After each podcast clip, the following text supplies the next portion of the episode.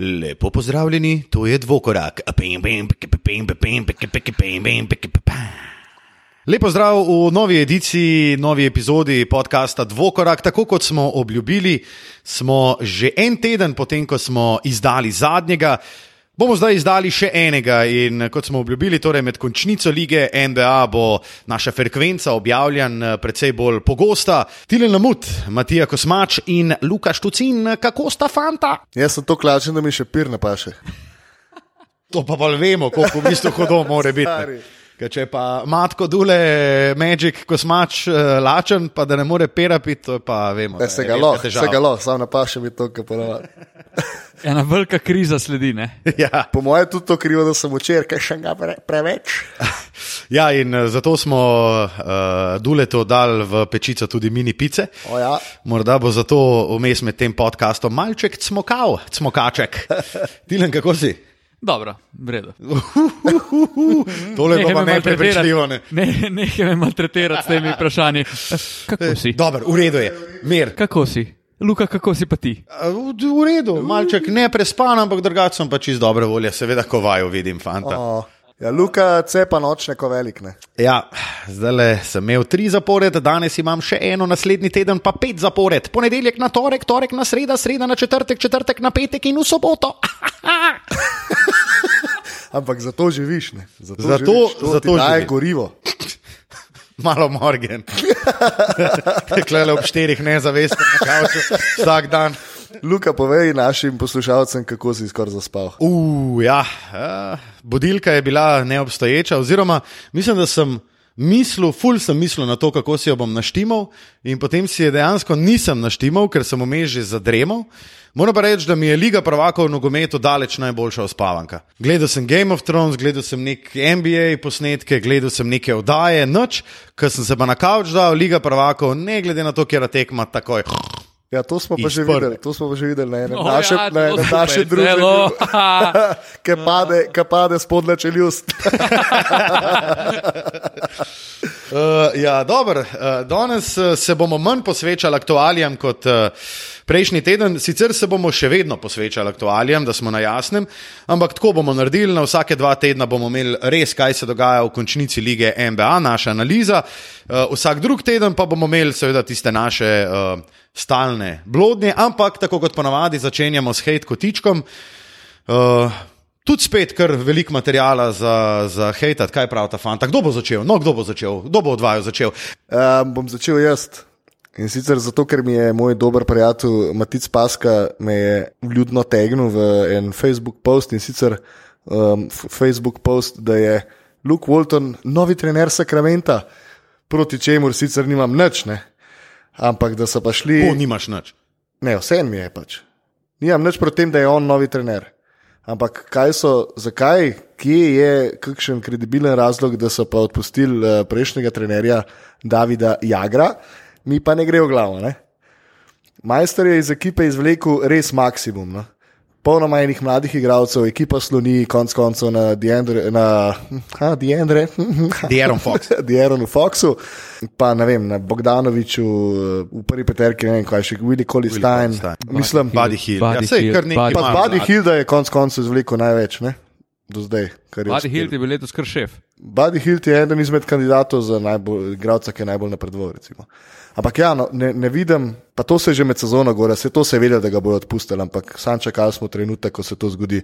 Jaz mislim, da vlade Divac, ki je med drugim tudi podaljšal pogodbo, kot je Tilen v prejšnjem podkastu lepo naznanil, da je on mal, mislim, vse to tudi vemo, da je mal lutka tega um, Vivek, Randive. Randa Vive ali kako je že. Ja, ja, ta indic nor. Ja. In ne vem, tudi ta Luka, no, eden izmed razlogov je bil tudi Luka Dončić, nekega je Dave Jurger hotel, Eh, pa so to že večkrat skušali pomest pod preprogo že tekom sezone. Ampak je zanimivo, zdaj ko je bil Jurgen odpuščen, je kar glasno spregovoril o tem, Ja, ja, da je, da je Ne, pa hotel- se on je že na intervjuju, ko so igrali z Dallasom, je on že rekel, je ful govoril o Ja, ja, Dončiću, ja. koliko je dober, pa koliko bi ga vsaka ekipa imela, pa tudi oni, pa tako naprej. Pa so pa kao začeli kar to malo pometati, češ jaz, Luka je tako dober, itak ga vsi hvalijo, valjda smo ga tudi mi, valjda se pripravljamo še posebej na njega. Ampak ja, zdaj se vidi, da očitno glas Deva Jrgerja ni bil upoštevan, ko se je govorilo o tem, katere igralce želi imeti. ne. Mene recimo si rekel, da te ne moti, da so pač Luka Waltona vzeli. Mene pa moti, da so Luka Waltona vzeli. Predvsem zato, ker se je to zgodilo takoj po koncu rednega dela sezone. To pomeni, da so oni to načrtovali, kot smo rekli, že dlje časa. Kar je nespošljivo, recimo, tudi do Davida Jrgerja, ki je, kot si rekel, iz ekipe izvlekel največ. Motme pa Luke Walton izključno zaradi tega, ker je model imel Lakerse, mlade Lakerse, zdaj le v svojih rokah par sezon, pa vidimo, kje so. Niti enkrat niso prišli v končnico. Luke Walton je imel svojo priložnost, da iz mlade ekipe izvleče neki, tega ni naredil. In zdaj gre v Sacramento, ki ima eno najbolj simpatičnih mladih ekip, in to je pa zdaj kar legitimna poteza, meni ni, sorry. Um, jaz bom tako rekel, meni je Luke Walton, glede na to, da je trener z, največ, z najboljšim razmerjem zmag in porazov, bil svoj cajt, koliko je imel 40, Ja, dobro. Mhm. dve ali koliko nek, nek Ja, Zelo- to je bila to bili sezona, tudi mi trije, no. smeš. ne, meni je všeč, ker bo, jaz verjamem, da je on dober trener. Sam jaz verjamem tudi, da on ni sploh letos mogel podpisati ekipi, Lakersov. Ne mogoče. Prvo, kot prvo je tukaj LeBron James, ki je trener, GM, lastnik ekipe, vse v enem, poleg tega pa še najboljši igralec ekipe. Nad njim pa še Magic Johnson, pa Rob Pelinka, ki sta spet dva nova, ki sta hotela postiti nek svoj pečat. Ne. In jaz verjamem, da on z Lakers si ni mogel narediti nič. Pri Sakramentu bo lahko pustil podpis, če ne drugega. On rad igra hitro košarko, napadalno košarko, tlema vsa urodja uh, in res lepo priložnost, da se izkaže kot NBA trener. To je res, sem po drugi strani pa mene skrbi glih to, da je, ko si prej rekel, ali si ti ali Luka, se ne vem, da on ni imel prave besede pri Lakersih. Ne? Ampak v bistvu gre on zdaj v, pa Dave Jurger tudi zdaj ni imel prave besede pri Sakramentu, ker je ta Indic pa vlada in zdaj gre v bistvu Walton v eno dosti podobno situacijo. Edina razlika bo ta, da pač Lakers se gleda cel svet, pa še Lebrona so pripeljali, pa jih je res gledal cel svet in so bila pričakovanja enormno visoka. Ne? Pri Sakramentu si lahko malo bolj pod radarjem, ampak še skozi, če se bo, če zdaj v petih tekmah Indicu več Walton ne bo štimal, ne? bo on že iskal novega, kar je najbolj nehvaležna stvar v trenerskem poslu dan danes. Ne pomeni pa to, da ima Walton zdaj zabezecano mesto glavnega trenerja Sakramenta, pa da mu bodo oni dali vajeti ekipe in da bo on lahko delal z njo, kar bo. Tev. To je velik vprašaj, pa hkrati tudi minus za njega, ker ja tudi verjamem v, v Waltona, verjamem, da je on lahko full, full dober trener, ampak nisem prepričan, koliko bo imel res prostih rok pri Sakramentu. Želim si pa, da bi jih imel, ker imajo res potencial velik. Jaz mislim, glede na to, kaj smo tudi z Jrgerjem videli, da bo imel proste roke, kar se tiče uh, igralnega stila, pa handlanja z igralci, ki jih ima na rosterju. Um, dru po drugi strani, uh, recimo, ni imel težav. Uh, Mislim, bo imel težave, če bo on hotel vplivati pri izboru ekipe, to je pa jasno, vse se vidi. Vse že vlade divac kot GM nima besede. Ja, sem po drugi strani pa so Jrgerja kritizirali, oziroma je prišel na skriž z upravo, zaradi tega, ker ni igral dost begli. Ja, on je imel nesporazum z asistentom GM-a zaradi tega, Ja, se zdi. se ja. pravi, on je, njegov sistem je bil, da begli igra 22 minut na tekmo ne, in njim to ni ustrezalo in je bil problem. Ne, se pravi, tu Walton, če se on odloči za en sistem, na katerega ne bodo hoteli staviti Divac ali pa Peča ali pa ne vem, na koncu koncev Indici, ima takoj lahko problem, že sem zaradi tega, kako, i- na kak način bo hotel igrati. Pustimo hipoteze, gremo naprej z naslednjim. Tole bo zanimivo, v glavnem z Waltonom. Ja, uh, velika neznanka je tole, predvsem s tem front officem, ki ga ima Sacramento. Uh, moj hate kotiček je namenjen. Uh, Aktualnim prvakom lige NBA. Aktualni prvaki lige NBA so na drugi tekmi zapravili 31 uh, točk prednosti in Ko Meni sem je se- šlo na smeh. Ne, ampak jaz, ki sem se pogovarjal, dej, dejta mi vidva povedati. Jaz ki sem se pogovarjal s svojimi kolegi, pa so mi rekli, dej, kako se je to zgodilo. Jaz, jaz ne vem, kako se je to zgodilo. Jaz nimam pojma, kako se lahko razpolagamo z unimi floska, eh, floskolami. Ja, padla intenzivnost, pa začeli so se zabavati. Ampak ok, se, to se neha, ko oni pridejo na minus 20, na minus 15. Dajte mi povedati, kako se je to zgodilo, da branilci naslova s takšno ekipo izgubijo proti v bistvu nekim skrabom, ki jih je Doc Rivers pripeljal v končnico. Ker jaz tega odgovora nimam. Vem pa, da hejtam Golden State, zato ker si je tako več kot očitno z levo roko imel kliprse, ki so spoštljiva ekipa. A te ima strah, da ne bodo prvaki? Ne, to me ni strah. Kaj pa zdaj, kaj Bugi Jaz sem, šel? kaj bova pa zdaj rekla za najnostavo? Ja, sej, to je pa problem. Ne? To je zdaj full problem. Ne?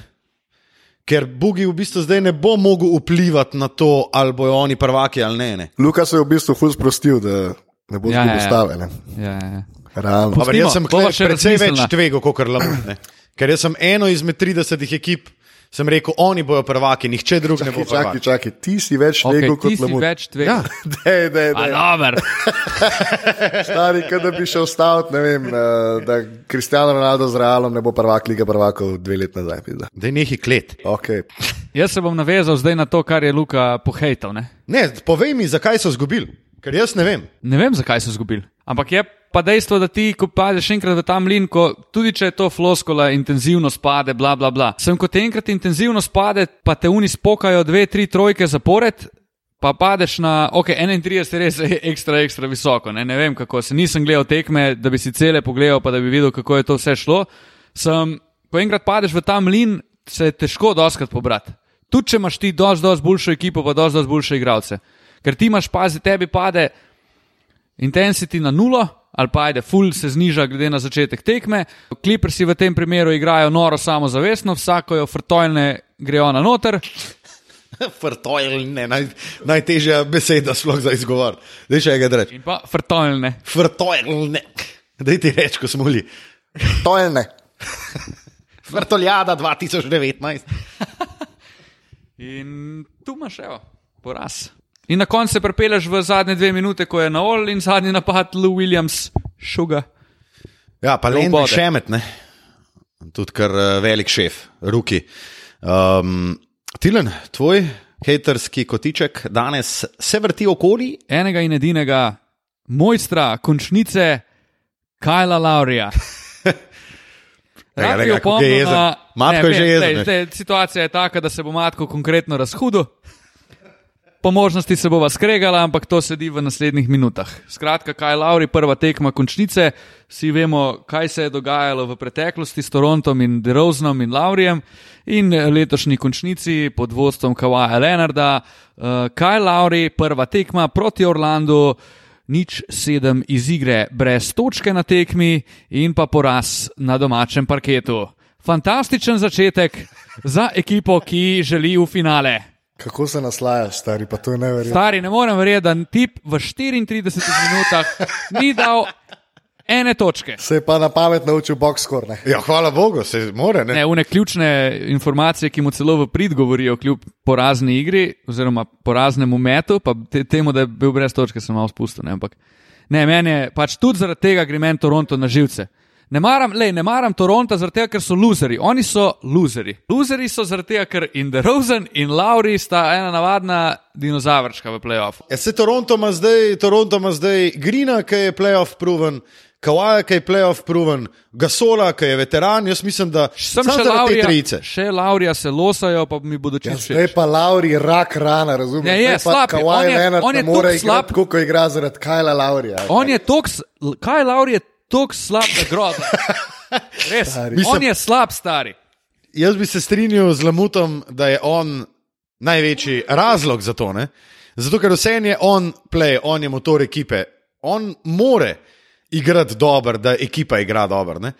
Nisem pa, prepi- mislim, oziroma ne, bi se pa kar stavo strinjal. Recimo, če bi se, če bi se Toronto loso Laurija, dajmo, narediti tako. vesel, da se Če bi se. Toronto loso Laurija, pa recimo dobo, nam zdaj rekel, ne vem, Stefa Krja, ampak da bi dobil recimo Majka Conleya. A mislite, da bi bilo kaj drugače? Ja, vse to so hoteli, ne, konc koncev. Vem, a mislite, da bi bilo kaj drugače? Ja, mogoče Jaz bi nisem prepričan. Mogoče bi bilo 2-0 na mest 1-1. Ne, govori, pustimo zdaj sem to serijo, gremo pogledat še za nazaj. Ker Toronto je imel vsako leto čisto solidno ekipo, pa ful dobro so igrali. Po je prišla pa serija proti Lebronu, Kenija, pa domov. Nairobi. Tako kot smo že celo sezono govorili. Kawhi Leonard je tisti, Kawhi Leonard je veliko, veliko boljši od Demarja DeRozana, ki je bil roko na srce prej v Torontu igralec številka ena, ne Kaj Lauri. Kaj Lauri je bil pač nek play, ki je bil komplementaren Dero- De- Demarju DeRozanu, tudi s svojim šutom in tako naprej. Sam sej v teh parih letih so pa oni menda ja pogruntali, da Kaj Lauri v playoffu ne igra oziroma ne dvigne nivoja svoje igre, tako kot dvignejo raven Mislim, najboljši igralci. Čakaj. In um, je tudi na začetku sezone, ki je bil Toronto v ful dobrem nizu. Če si spremljal statistiko Laurija, Lauri je dal 10 pik mogoče, ampak je zraven dal 10 asistenc. Igral je 35 minut na tekmo, vrgel je par tric, razigral vse igralce In za moje pojme je to čisto soliden play. Ni play za 25 milijonov na leto, ampak soliden play. In jaz pač, pol me preseneti, no, zato ker se tok kurca njega, kukar da je on nek super zvezdnik. Pač je imel eno tekmo slabo. Lahko da se bomo drug teden pogovarjali drugače, ker bo imel še tri slabe. Ampak jaz verjamem, da bo odigral uh, solidno, kar se tiče organizacije igre, vrgel bo ene par tric in tudi rešil kakšno tekmo na ta način. On je na koncu koncev, on- ker sem hodil, je, on je dober za ekipo. Vse je dober za ekipo, vse si sam rekel. Box score pa plus 11. Pa ne vem, vrgel je 7 šutov, konc koncev. Ni jih vrgel 20. Russell Westbrook eh, jih vrže 20, nima veze, a zadane enega ali 16, on jih vrže 20. Ja, Oklahoma ima itak, če se lahko eno komentar o Oklahomi. Prosim, skadil bojo. Ja, upam. Te dve prvi tekmi Oklahoma, pa sam za odpad grmoje. Jaz mislim, da ima Oklahoma problem, da oni niso prilagodili, oni še skozi z glavo niso v playoffu. Oni igrajo še skozi isti basket, kot so ga igrali v vrednem delu sezone. Portland na drugi strani je pa malo bolj se zresno mogoče, ali pa pač so odigrali dve dobri tekmi. Oni so rutinirano dve domači zmage vzeli v Oklahomi, Oklahoma ni imela za burek. In to je najbolj impresivno, recimo. Niso, ja, niso izgubili za 25 pik, izgubili so za ne vem, 9 pa 5 ali koliko, ampak dejansko nobena tekma ni bila tako blizu, da bi rekel, da Oklahoma je izgubila v zadnji sekundi. Ne? In če nimajo oni Paula Georgea, ki je zdaj ob 100 km kinezijo tej, pa ima okrog ram, ne? In če on ni na MVP nivoju v obrambi, pa hkrati jih ne obode 30, A sta vidva kaj gledala, a sta kaj gledala Oklahoma, kako oni igrajo? Ja, ja, Kako igrajo? ja. ja. Mislim, to je slabše, kot Houston pa Milwaukee skrb zvezana. Ne, To je en, Igra je to grozno. Russell pripelje žogo čez in jo da Polo George, mogoče dobi blok, mogoče ne in jo fukne. Ali jo vrže za tri, ali gre v prodor, pač vržejo. Pač tri igralci so tam na parketu, za katere nisi zihar, kva sploh tam počnejo. Ajde, Steven, eden spostavka še blok, pustimo to. Pa mogoče na vsakih šest akcij odigra in pika roll z njim. Pa, Pa skoki v napadu, tam si pač peda statistiko. Oziroma peda, no. Tam dobi pač. Ja. Drugače pa ta dva mečata, tu mislim, slabše organizirana igra, kot na vsaki rekreaciji. Sam na dveh igralcih sloni. V obrambi Russell Westbrook pa you didn't get the memo. Lillard ti jo bo vrgel sredine igrišča, da ti jo bo, če stojiš na trici kreten. oh, by the way. In ne, da Ko je bi, pa Lillard v bodu začetek serije, prvi napad. Ja, direkt- Ra! Vrtojla! mislim pa še to, ne? Še to. Šef. Prvo trico ti je tako vrgel, Va, da boš pa ostal zraven. Ne. Zadnja četrtina, zadnji dve minuti, Westbrook stoji tri metre stran. Itak, da je spet doma. Ne? Pa sej ne, da smo lani gledali New Orleans, pa vsi napovedali, kako bo šel Portland lagano prek New Orleansa, pa ga je New Orleans 4-0 luknu- ruknil in to sam s tem, da so Lillardu vzeli žogo iz rok. Letos pa, letos pa stojijo na sredini igrišča. Pa dajte mu žogo iz rok vzeti, pa saj imate lansko serijo si pogledajte, pa neverjetno. Škaj meni recimo še zanimivo, Utah, uh, Utah, uh, Houston, včeraj sem uh, delal tekmo. Kakšen, vsi smo videli un uh, Rubijev, tudi v zapiske ga bomo dali, un Rubijev, uh, Rubijev obrambo. Ne? Ja.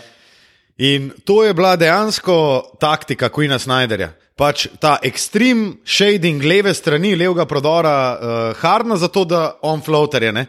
Uh, Poka, kar je pa najbolj zaskrbljujoče, je pa, da so oni uno tekmo izgubili za 32, Harden je rabo ne, vem, 26 metrov, da je dal 29 pik. Uni, PJ Tucker, Daniel House so zgrešili toliko odprtih tric, da nič jasen. Včeraj, ki jim je v prvem polčasu šlo takoj, ara, 24 lufta in gotova tekma. Ne? In Utah, mislim, meni je to ful zanimivo. Zato, ker je nekako tako, malo omejijo Hardna, neke malo slabše odločitve, ampak Harden je itak mojster, pa se ful hitro prilagodi. Ne? Ampak bo recimo zanimivo videti, kako ga bo recimo Golden State kriv, ne? ker mislim, da je kar več kot očitno, da in Golden State in uh, Houston bosta šla naprej. Ja, se tu pol pride do izraza, kako imaš ti ekipo. Ne? Če imaš ti svoje igralce, pa te, ki stojijo, ker v NBA-ju itak neke hude taktike napadalne ni. Ne? Oziroma, če ena ekipa igra full dobro ekipni basket, je to že pol San Antonijo iz 2014 leta in si prvak. Ne? In a bo zdaj, naprimer, to, ko si rekel, House, pa Gordon, pa kompanija ostala, bodo oni zadevali te trojke ali ne? Če jih ne bodo, je Houston še za, na ribičijo. Ne? Ne, v bistvu ni. Če Ne? pa ne, bodo Ne, zato, ker če oni ne, zadevna, ne zadevajo, je tako kot je pač prva tekma, Harden. Da, 29 pik in je dost. Zato, ker Utah pa ne zadene nič. Pa Ne, ne, ok, pustimo zdaj Utah. Dobro, ok, proti Golden Stateu, ja, ja bojo pa oni pa mogli tudi, ne vem, proti kateri drugi ekipi, ki je mogoče malo boljša kot Ne, Utah. valjda, corner trice so pri Ja. Houstonu četrt napada, recimo. Ne? Ok, um, gremo naprej. Heterski kotiček je no, v 20 minutah za nami, odlično smo opravili, bravo, fanta. Okay, če smo pa zdaj dve seriji že obdelali, uh, gremo pa v bistvu kar naprej. Golden State Clippers smo že pač nekaj povedali, vsi verjamemo, da bo Golden State šel naprej, Houston, Utah. A mislite, da bo Golden State butno še eno? Misliš, da bo zgubil še en? Ja. Jaz mislim, da ne več. Jaz tudi Jaz- mislim, da ne več, ampak Jaz pa ne, mislim, da ne eno bi se še pa bo. čudil. No? Okay. Ne, sej. Ne bi se čudil, da ukradejo eno na domačem. Mislim, ful so, vse klipersi, kot si prej rekel, tilem, ful so samozavestni, ful so tak, mene spominjajo na ta grit and grind, ne. Dost. Pa oni, Pa sproščeni so. Ne? Sproščeni so, točno to. Včasih je lažje igrati uh, proti Golden Stateu, kot bi bilo Ja. proti uh, Portlandu. Ne? točno to. Oni, če To, bi kar- igrali proti Portlandu, bi čutili pritisk, da lahko dobijo. Oni se zavedajo, da Golden State ne bodo izločili. In to je ta prva serija, letos playoff je za njih res nagrada. In na tak način so tudi pristopili in zaradi tega lahko igrajo tako dobro, ker jih ne briga, pač vrtoljno jo bom, pa kaj bo z njo bo. Uh, San Antonijo, Denver, ena proti ena, Popovič je tudi na drugi tekmi vodil za 19 točk, oziroma San Antonijo, pa so potem, pa so potem uh, v bistvu tekmo izgubili. Pravzaprav dobljena tekma. Jaz ne vidim načina, kako bi lahko Denver res uh, dominiral v ATT centru, vsaj glede na videno. Jaz, kot sem rekel, že ko smo napovedovali. Jamal Murray je super igralec, ampak on je dal v prvih sedmih četrtinah toliko manj pik, kot potem v zadnji četrtini, da je Denver obrnil uh, teh 19 pik lufta, ne, kar jih je imel San Antonijo. Enostavno ni konsistenten. Na njega se ne more zanesti. In tukaj pa zmanjka en igralec poleg Jokiča. Se Jokič lahko da svoje, sam Jokiča se da tudi ustaviti. Pol pa nimaš, ne, Jamal Murray pa je vprašanje, na katero nogo je ustal. Mislim, Jokiča, Jokič je preveč pasiven, če me vprašaš. On je imel triple-double, na, ne, ni imel triple-double na prvi tekmi. Blizu je bil. Bil je full bliz. Ampak on ima toliko malo šutov. Pač dej, ti si daleč najboljši igralec v tej ekipi. Tu če sforsiraš. Jaz raj vidim, da Jokič sforsira pet šutov, pa jih ne da, ko pa da se te pet ali pa deset šutov porazdeli, da dva vzame Barton, pa dva vzame, ne vem, Gary Harris, uh, Gary pa- Harris, pa dva uh, Millsap itd. ne. Raj vidim, da jih on butne deset, pa moče tri dal, sem, ampak bo to boljše za ekipo. No, se na drugi tekmi je bil Jokič bolj napadalno angažiran, ampak vsem to ni bilo, ni, mislim, ni bilo to. V bistvu takrat, ko je bil on napadalno angažiran, je Denver uh, bil bully za 19. Kaj pravimo zdaj za konc te serije? Ne? Jaz sem rekel, da ne vidim, kako bi v ATT centru. Saj s tako igro, kot ima Denver, ki je res vožna z vrteljakom, ker je toliko sponov in pacov skozi eno tekmo, in to je, to je tako slabo, da mislim. Jaz mislim, da San Antonijo trenutno igra malo preko svojih realnih zmožnosti. Derek White je šef. Dejstvo tega je, da je stari. lej, Popovič je res, on je daleč najboljši trener v NBA, on s to ekipo zdaj šola v dveh tekmah, ta Denver, realno bi San Antonijo mogel voditi 2-0, brez domače tekme, ampak slejko prej se bo pokazalo, kaj manjka San Antonijo in Denver bo sestavil eno, do, eno bolj kompletno, konstantno Jaz tekmo. mislim, da gre ta serija v sedem. Ne? Jaz bi tudi rekel. To smo napovedali, ne sedemko. Mislim, da nisem zihar. Um, in jaz tudi mislim, da v ATT centru bo Denver ena ukradel. Sam bo ukradel točno na to. Dvema se bo odprl, enostavno so kvalitetnejši, oziroma imajo več potencijala, kot ga ima San Antonijo. Je pa res, da se tukaj vidi Denver zelen v playoffu, uh, San Antonijo na drugi strani igra s svojim ritmom, n- usiljuje svojo igro nasprotniku in ne obratno. In ne glede na to, kako se bo končal, ali zmaga Denver ali San Antonijo, bo San Antonijo narekoval ritem tej te, te, uh, seriji. Hmm. Milwaukee, Detroit, gremo zdaj na vzhod, glede na 4-0 gremo naprej. To bo 4-0, gremo dalje. Okay, 120 Zdaj, ko Griffina ne bo, proti celo 99. serijo. To, da Griffin ne igra, je pa res ena žalostna zgodba ja. spet. Je pa zanimivo, ne? čeprav Griffin ne igra, je na obeh tekmah dobo tehnično uh, napako v civilu, sklopi, ker je lajo. Ja. In na prvi, in na drugi tekmi, danes po noč je torej ob zmagi Milwaukee 129-99 spet dobo tehnično. Tako da, ima, tako da je igralec eh, pri Detroitu z največ tehničnimi v končnici. Blake Griffin, Lajovic. Škoda, da ni Blake, glede na to, kako sezono je imel, je res škoda. Da. Ampak ne vem, kaj se je sploh zgodilo. Ali bi on že v rednem delu sezone poškodovan, pa je pol. Mislim, malo se je Mislim, vlekel, malo je no. žalostno, da pol prije playoff bi lahko odigral to serijo in pokor celo sezono igraš in pol playoff. Veliko je dal za to, da so se uvrstili v končnico, ne pa ga je pa, pa zmanjkalo. Je pa bil na shooter roundu, recimo na začetku, oziroma pred začetkom tekme je bil na shooter roundu, tako da mogoče, mogoče se pa v tej seriji še vrne. No, Drugače so rekli, da kao v prvem krogu ne bo nastopil. Če bo šla se, serija v sedem tekem. Ja, sej. Ja. Um, ok, Boston, Indiana. to, kar Indijana dela, vsaj po mojem mnenju, oni v bistvu čisto redo špilajo. Predvsem včeraj so čisto redo špilali, nadzorovali tekmo. Uh, babo Bereta jih je točijo, in pol spet pride četrtina, v kateri oni naluftajo 12 pik, in to je to. Tako kot so imeli tretjo četrtino na prvi tekmi. In v bistvu to, to. Boston je na prvih dveh tekmah, domačih tekmah, sam čakal, kdaj se bo Indijani zaprl, sicer so zelo dobro stali v obrambi, da se, da se razumemo, ampak oni so v bistvu samo potrpežljivo, kot ena veteranska ekipa čakali, njim se bo enkrat ustavili, mi bomo takrat vsem dosegli več pik, imamo dobro obrambo, ki nam to omogoča in to je to. In oni so na ta način dve tekmi dobili. Drugač pa daleč najslabša serija izmed vseh, vsaj po mojem mnenju, v tem trenutku. Je ne, zanimivo, zaradi tega, ker tudi v napadu se nič ne dogaja, tekme so pod 100 pik, bedno je po domače povedano, ampak Indijana je pač preslab. Premalo talenta, enostavno. Premalo talenta, točno to. Premalo talenta, oladi pa ni in on enostavno.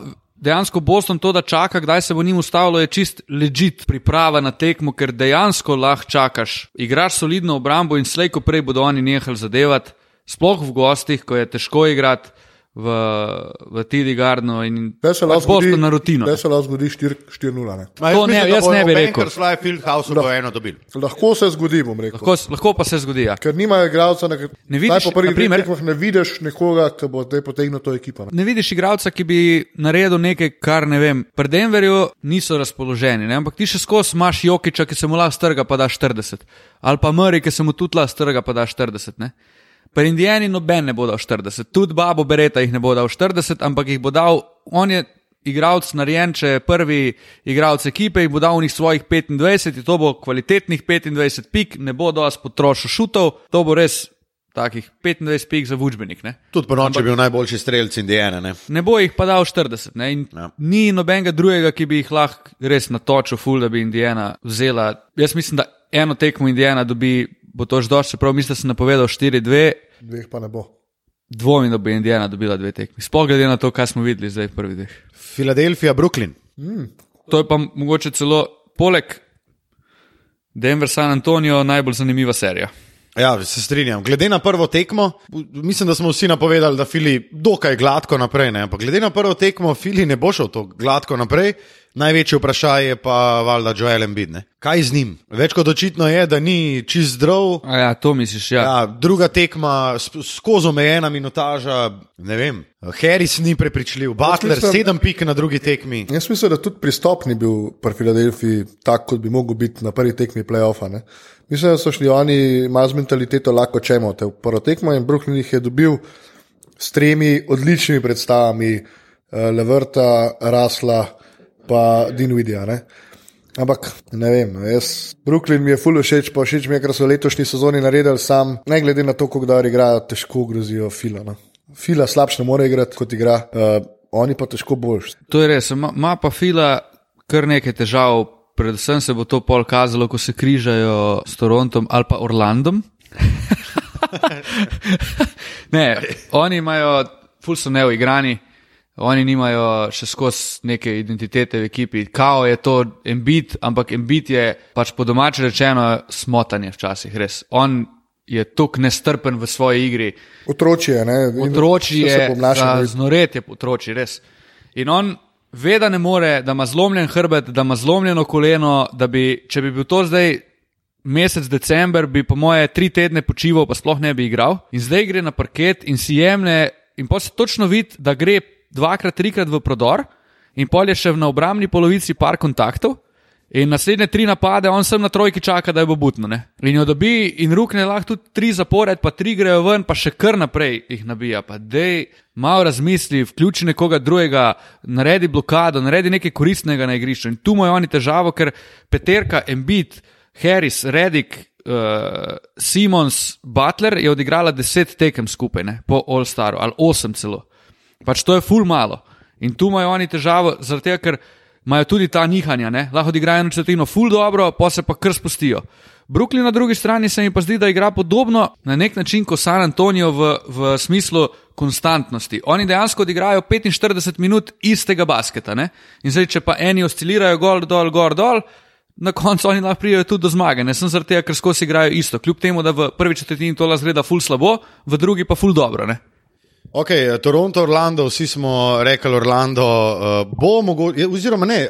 Ti si bil sweep, ne? ti si rekel 4-1. Ja, torej, mi da se rekla, da Orlando bo eno ukradel, nismo si pa mislim, da, mislili, da bo to naredil na prvi tekmi in to v gosteh. Ampak vseeno mislim, da Toronto, videli smo potem na drugi tekmi, da so v bistvu nadzorovali rezultat. Od Laurija smo dobili eno dobro tekmo, 22-7 skokov. Uh, in jaz mislim, da če bo Lauri imel vem, 13 točk, 7-8 asistenc da bo to čist dost. Saj za Orlando, pol bo pa treba dvigati nivo. V bistvu mislim, da bo ta serija še skozi konč 4-1. Ja, Mene ne bi čist nič presenetilo, da bi Toronto. To je bil tudi mogoče malo opomnik za Toronto, da je ok, playoff je tukaj, malo so jih presenetili mogoče in zdaj bodo oni prišli napaljeni v Orlando in ta Orlando pač tega Toronta v neki resni tekmi ne more dobiti še. Dvakrat doma, naprimer, ni šans. Okay, to so bile uh, aktualije, ki smo jih za vas uh, pripravili. Uh, zdaj pa gremo na uh, komentarje na Apple Podcasts, uh, iTunes, kjer ste še vedno vabljeni, da komentirate. Ne vem, koliko smo na zadnje, to je bilo tri oddaje nazaj ali dve oddaje nazaj, ko smo brali komentarje in uh, tudi ocene. Uh, koliko je bilo ocen, ampak zdaj jih imamo v bistvu že 70, kar je uh, Tomič rekel, da je to ogromno, glede na to, da smo kar mlad podcast. Uh, tole pa je, fanta, deseta jubilejna epizoda oh, oh, oh. podcasta Dvokorak. Čestitke, čestitke, fanta. Čestitke, fanta. uh, ja, 70 ocen imamo, od tega 69 ocen 5. Uh, ena ocena štiri. In tisti, ki je dal šterko, je tudi lepo in to zelo um, konstruktivno obrazložil, zakaj nam je dal šterko. In Zelo sem, zelo sem ponosen, oziroma zelo sem vesel, da je to tudi naredil. Ampak. Tremimo pa še zmeraj petkam. Ne? Ja, seveda, petke so, petke so live. Uh, torej, zadnji, ki smo ga takrat prebrali, je bil Jurek Kacin. Uh, zdaj pa um, naslov tega komentarja je Trola, Ufiko, Bang, Basket Joga pa Ogen, emoji. E, to je treba vse povedati. User je Jože Žemva. Um, napisal je pa fantje, kapo dol. Um, Katančevo. Epizode bi lahko naredili malce daljše, vsaj recimo vsako peto, pa podebatirali še o kakšni statistiki več, ali samo podaljšali haterski kotiček. Daljše. V bistvu, v bistvu Odgovarjam mu. Eh, na njegov komentar in sicer Luka ne dovoli. Ne, jaz ne dovolim, da gremo čez eno uro. Jaz hočem, da smo med 45 in 50 minut, uh, zato ker je to lih taka prava dolžina za, uh, recimo, če greš teč, ena šolska ura pouka matematike, recimo za koga in tako naprej. Ampak še ni konec. Vprašanje za vas.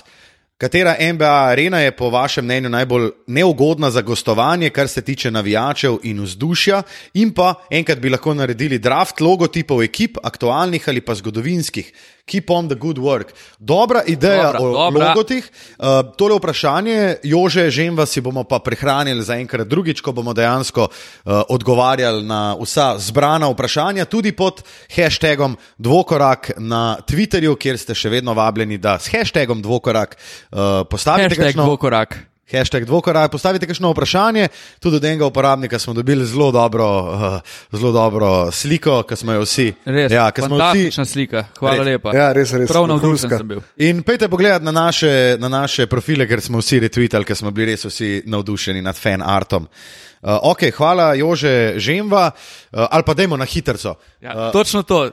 Kjer ti prva pade na pamet? Tidi Garden. Tidi Garden. Ja. Meni da uh, Oracle Arena. Tudi meni, pa da se ne bo ponavljal, tudi ATT arena je. Aha, San Antonijo. Dobro. Tako je že. Čeprav je pa ful težko, naprimer v Salt Lake Cityju ni enostavno igrati. Tud, pa tudi v uh, Bankers Life Fieldhouse v Indianapolisu. Ja, pa končni faz tudi Quick and Loans Arena ni bila švohne. Tudi v Tivoli ni najlažje priti do zmage. Ar, tudi v vodiški telovadnici včasih težko. No, ja, trikrat tri vodice. To smo že izkusili na lastni koži. Ok, naslednji komentar, pet zvezdic. Bajzauc je uh, komentator, naslov komentarja, gladko najjači. Uh, malo jače tole za omes, pa spremna beseda z mirnim glasom Mihe Penka, našega komentatorskega kolega, vklepajo tako kot med dokumentarci na nacionalki. Uh, še ženka posluša zraven, skoraj, namest čestitke in pozdravi med južno, vsaka čast, ra. Uh, pa še dva emojija. Uh, hvala, hvala, baj zavc. Uh, upam, da se ženko še kaj pogovarjata med kosilom, ne samo poslušata. Uh, potem pa pride tale štirizvezdnični komentar. No, dajmo. Posvetite se svojim ženam. Uh, slovenski Godler je tole komentiral. Štiri zvezdice in napisal P, zvezdica, zvezdica, da, to pomeni pi, na, skoraj popolno. Bravo, bravo, končno nekaj rednega v košarki, fanti, kapo dol, res vas je super poslušati, razen vaših kletvic. To mi nikakor ne paše. K podkastu dajte vsaj bip efekt, da lahko sinom v miru poslušava, ker včasih vam uidejo kar krepke. All to all, bravo, level, experts, ps, uh, bip efekt potreben. Ja, krščen matiček, no, poglej ga zlomka. 300 kosmatih. Ne, uh, jaz mislim, se, se kar strinjam. No, ene Ja, parkrat nam je res tudi, šlo. ja. Jaz, ki sem kdaj poslušal pol. Jaz me je bilo kar malo sram, da sem tako zakonno, kaj engorencno. Faktor 23, tale je kar dolg, tako da gremo kar takoj na njega. Končno lahko o aktualnih MBA zadevah poslušam podcast v slovenščini, super.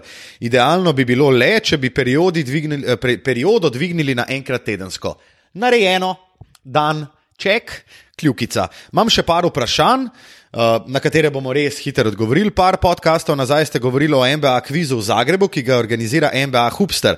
Mogoče bi povedali kaj več o samem kvizu, kakšna vprašanja so, težavnost, kako, kako poteka. Itd. Mislim, da smo o tem sicer že govorili. Vprašanja so zelo, zelo težka.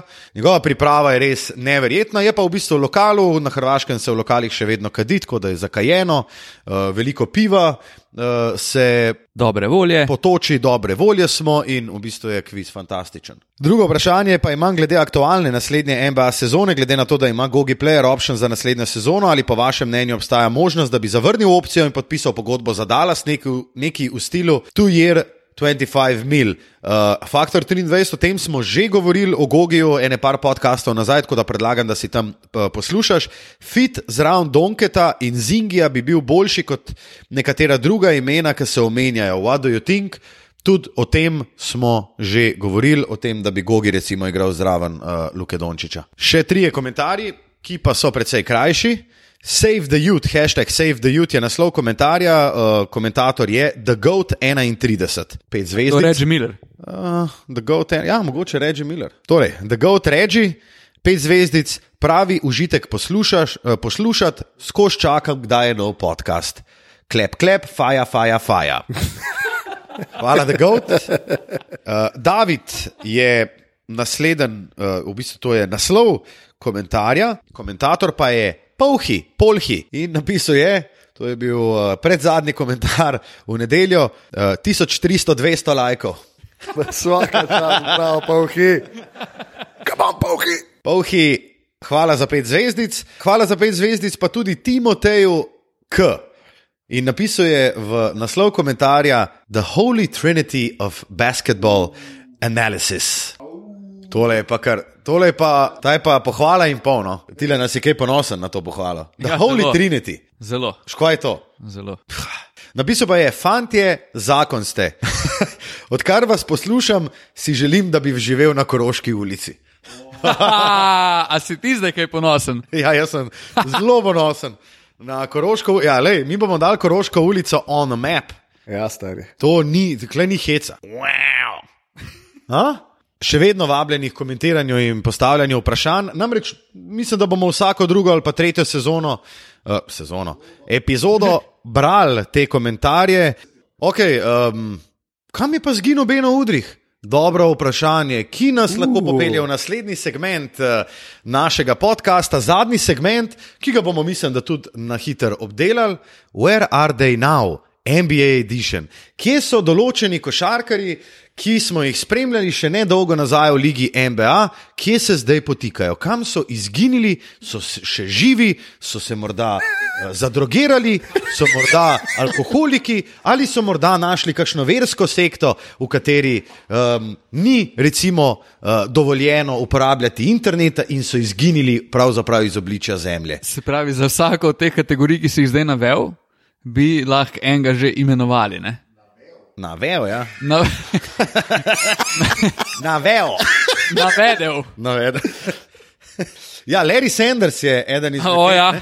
A si kdo izbral Larryja Sandersa? Moj za- Larry Sanders mogoče na eni točki pooseblja kar skupek teh Ne, mislim, da se ni zapil. no. navejanih zadev. Navejo sem neki zadev, ampak mislim, da ena izmed navejenih zadev ni, da je alkoholik ali pa da se je zadrugiral. Mislim, da je on našel pač sam uh, uh, bolj tako duhovno plat življenja in da se je pač odločil, da so uh, nekatere zadeve pomembnejše od košarke. Matija Kosmač, kdo je tvoj prvi izbor? Ja, kje za hudiča pa je? Um, še nedolgo tega je igral v konferenčnem finalu, danes pa nihče ne ve, kje se potika Roy Hibbert, dame in gospodje. Uh, Roy Hibbert, jaz vem, kje je. Kje pa Hibbert. je Roy Hibbert? Roy Hibbert se je upokojil. Ja, Uradno, res je. Ja. Ja? Uradno se je upokojil. Ampak to je, bilo, to je šlo predvsej potihem. skrajno, ne, tega- ja, no. brez kakršnega koli pompa. Namreč pač Boba je star 32 let, ne? Ampak spomnimo se zdaj Roja Hiberta v Indijani proti Miamiju, tam po 20, 12, leti. 2012, 2013. Ampak to je bila 2012, edina 2013. serija, ki jo je on dejansko odigral. Ja. Vse posod je bil pa tak ja, klošar, ja, ja. da brez veze. Prej je bil kar garbič. Pa tudi uh, redni del sezone slab, pa je pa šel v Charlotte, če se ne motim.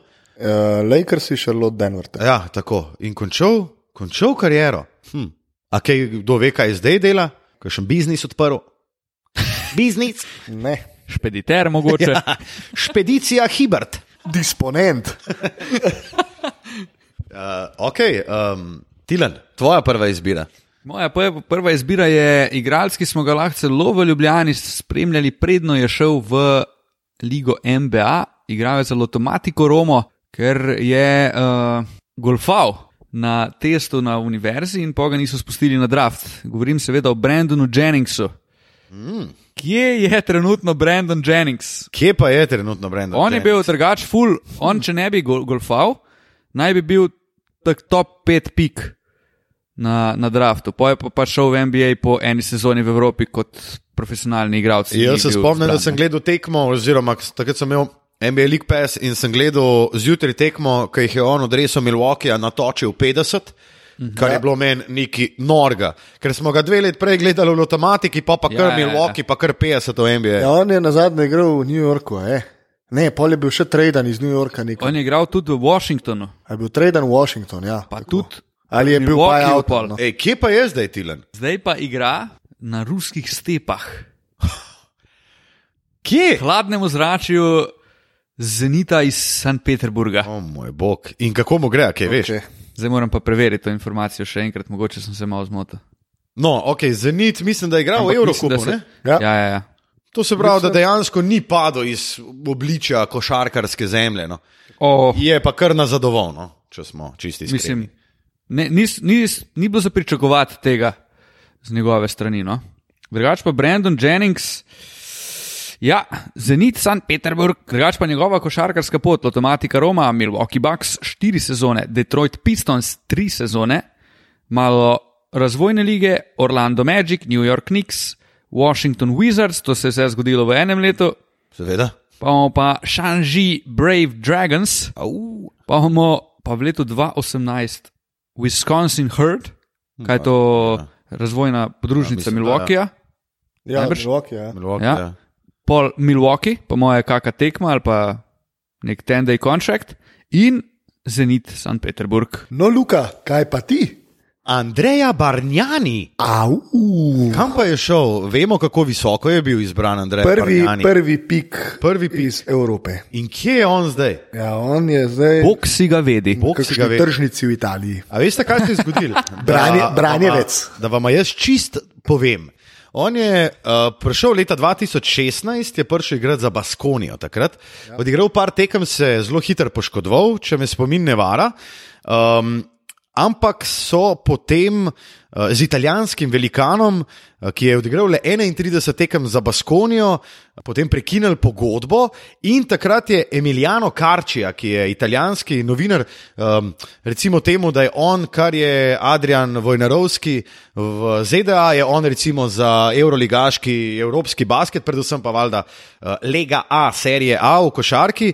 Uh, in eno oziroma leto in pol nazaj, ko je Barnjani šel iz Baskonije, je zanj eh, se potegovala in bila zelo zainteresirana Virtus Roma. Torej, uh, moštvo iz rimske prestolnice, ampak jih je Andreja Barnjani zavrnil. Potem je pa tri mesece kasneje napisal en dolg post in je napisal, da vse, kar so do zdaj prebrali v časopisih, je laž, da on ne želi. Uh, igrati za katerikoli klub, da je na taki točki v svoji, svoji karieri, da ne išče kluba in da se želi uh, odločiti sam, da ima neke osebne zadeve, uh, s katerimi se bo najprej udaril oziroma soočil, in da bo potem sprejel odločitev. Dva tedna nazaj pa je Toronto recimo dejal, da je Andreja Barnjani najbolj zgrešeni pik. Oziroma, eden izmed najbolj zgrešenih pikov in podaljšanje teh pikov, glede na to, da je on dobil kar precej denarja v zgodovini njihove franšize, ki sicer niti ni tako dolga. Tu je, kje pa je zdaj Andreja Barnjani? Na tržnici. Mm, Branjevec. Branjevec. Branjevec na tržnici. Asparago, limoni, naranča. Recimo, ne? Pica, pasta, vino.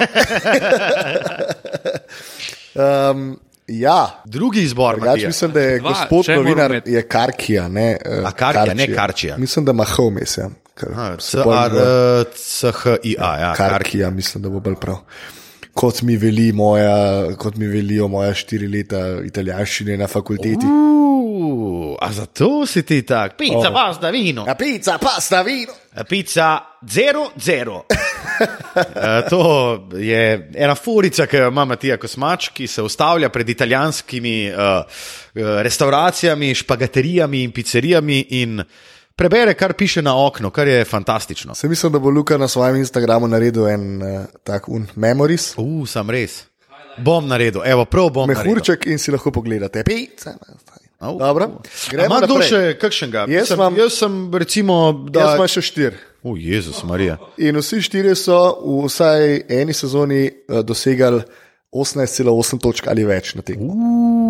In vsi štirje bi še lahko igrali, ker nihče ni starejši od 36 let. Al Jefferson je recimo star 34 let, On je debel, pa ne more več pilati poškodbe, gremo on je naprej. debel že nekaj časa, ampak mislim, da ja, ne, ne igra več. Igral pa je na zadnje na Xinjiang Flying Tigers.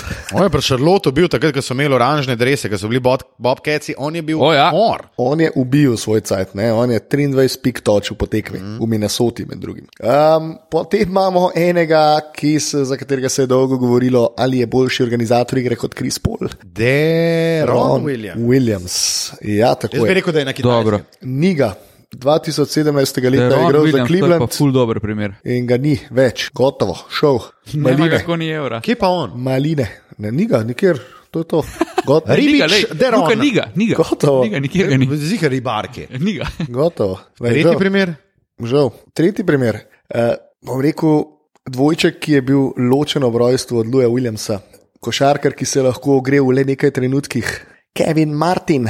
Uh, Kevin Martin. Martin, on jih je pa točil za tri sakramenta. cajt ja, ja. Pa Minnesoti, pa tako. Ja, 17 pik ima povprečje v, v karieri. Ne?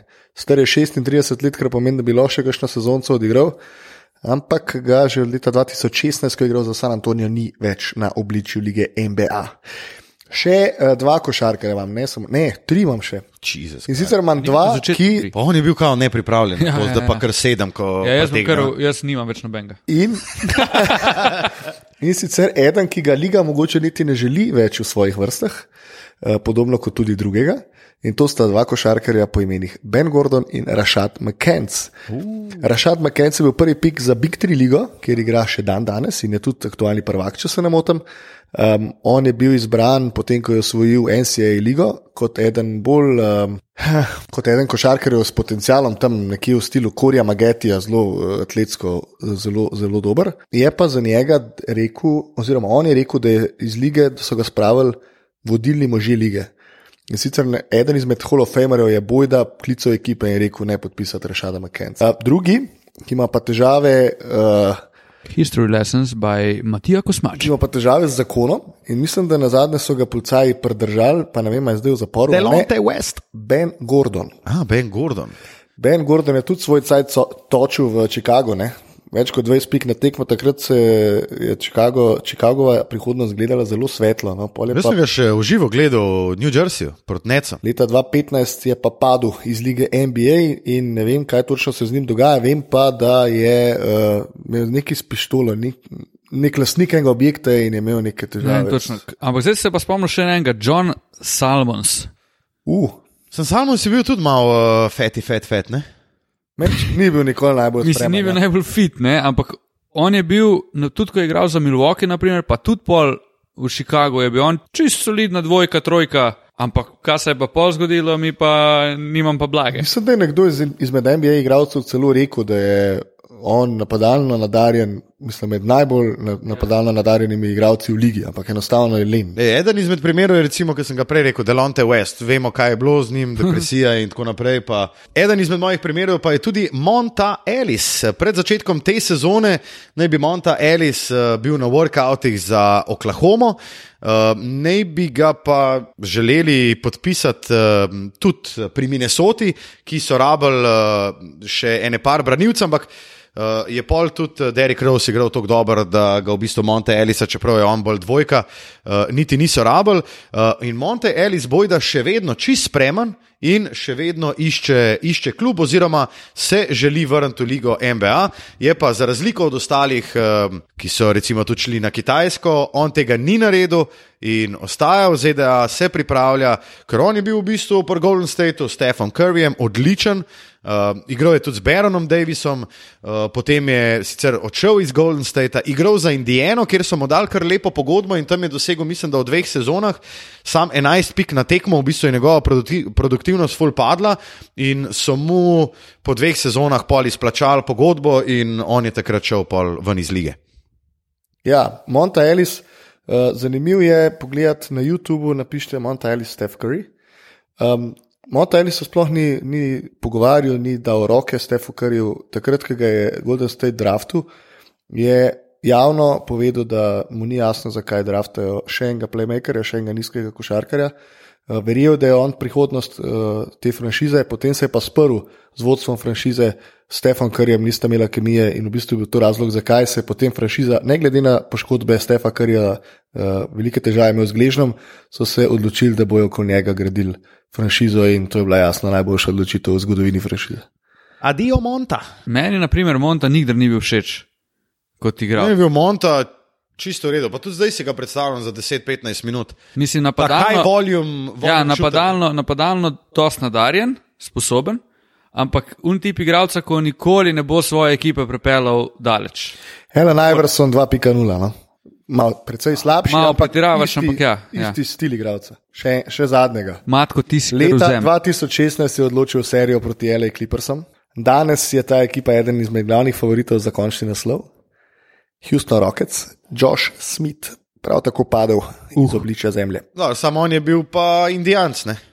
Vse zato je tudi padel iz obličja zemlje. Ne? Ampak je pa Majster res ima padel Trole iz šajbo, pa imel zemlje. posto, ne vem, 21 posto, trole pa jih je Ja, ja, Ja, ja, Dajmo kar pogledati eh, odstotke meta za tri točke. V prvi sezoni 17 odstoten pri metih za tri. Wow. Eh, V svoji zadnji sezoni pri Houstonu, ko je uspel pomagati v seriji finala konference, oziroma polfinala konference. Takrat je bil pa Pa- zelo ključen mož. Ja, To ja, je na eni tekmi, mislim, da je dal nekih 16 pik. In njegov odstotek? Njegov odstotek v tej sezoni za tri točke, uh, solidnih 27 odstotkov, medtem ko za dve še nekoliko bolj učinkovit 34 odstotkov. Wow. Grozen. Oh, prav, Josh. Ne, to je bilo iz igre, ampak, uh, skupno, ampak se ni veze. Grozen, glavno, res je bil uh, črna luknja. Pri Atlanti hud, pa pa karkoli naprej je bilo. Pa, ko se je začel kregati z Atlanto, je šlo. Čeprav tudi, tudi v Atlanti je on imel. Če bi takrat Atlanta imela enega bolj stabilnega v smislu glave stabilnega, s podobnimi sposobnostmi, bi lahko na Atlanta mogoče naredila dosti več, kot pa je. Ker se mi zdi, da George Smith je skozi živel v nekem prepričanju, da je on prvi, da bi lahko bil ful pomemben ali pa ključni člen ekipe v smislu prvi ali pa drugi igralec, pa dejansko to ni bilo možno. Ne? Ja, on ima povprečje v karieri 28 postov za 3, metu je pa po 5-6 30 na tekmo. Mislim, da se ti že to vse pove. No, in uh, to ti vse pove.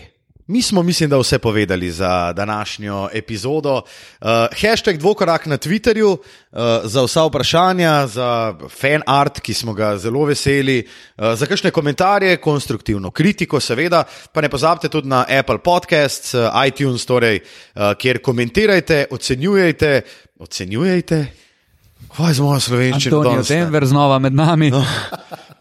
1300, 200, Antonijo Denver, ocenjujete. In, ja, uh, brali bomo vaše uh, ocene, brali bomo vaše komentarje, in uh, mi se vidimo in slišimo zopet prihodnji teden. Najdete nas na vseh državnih omrežjih, Matija Kosmač, Tilen Lamut, Lukaš Tucin, za konec pa le še. Kaj se tle dogaja?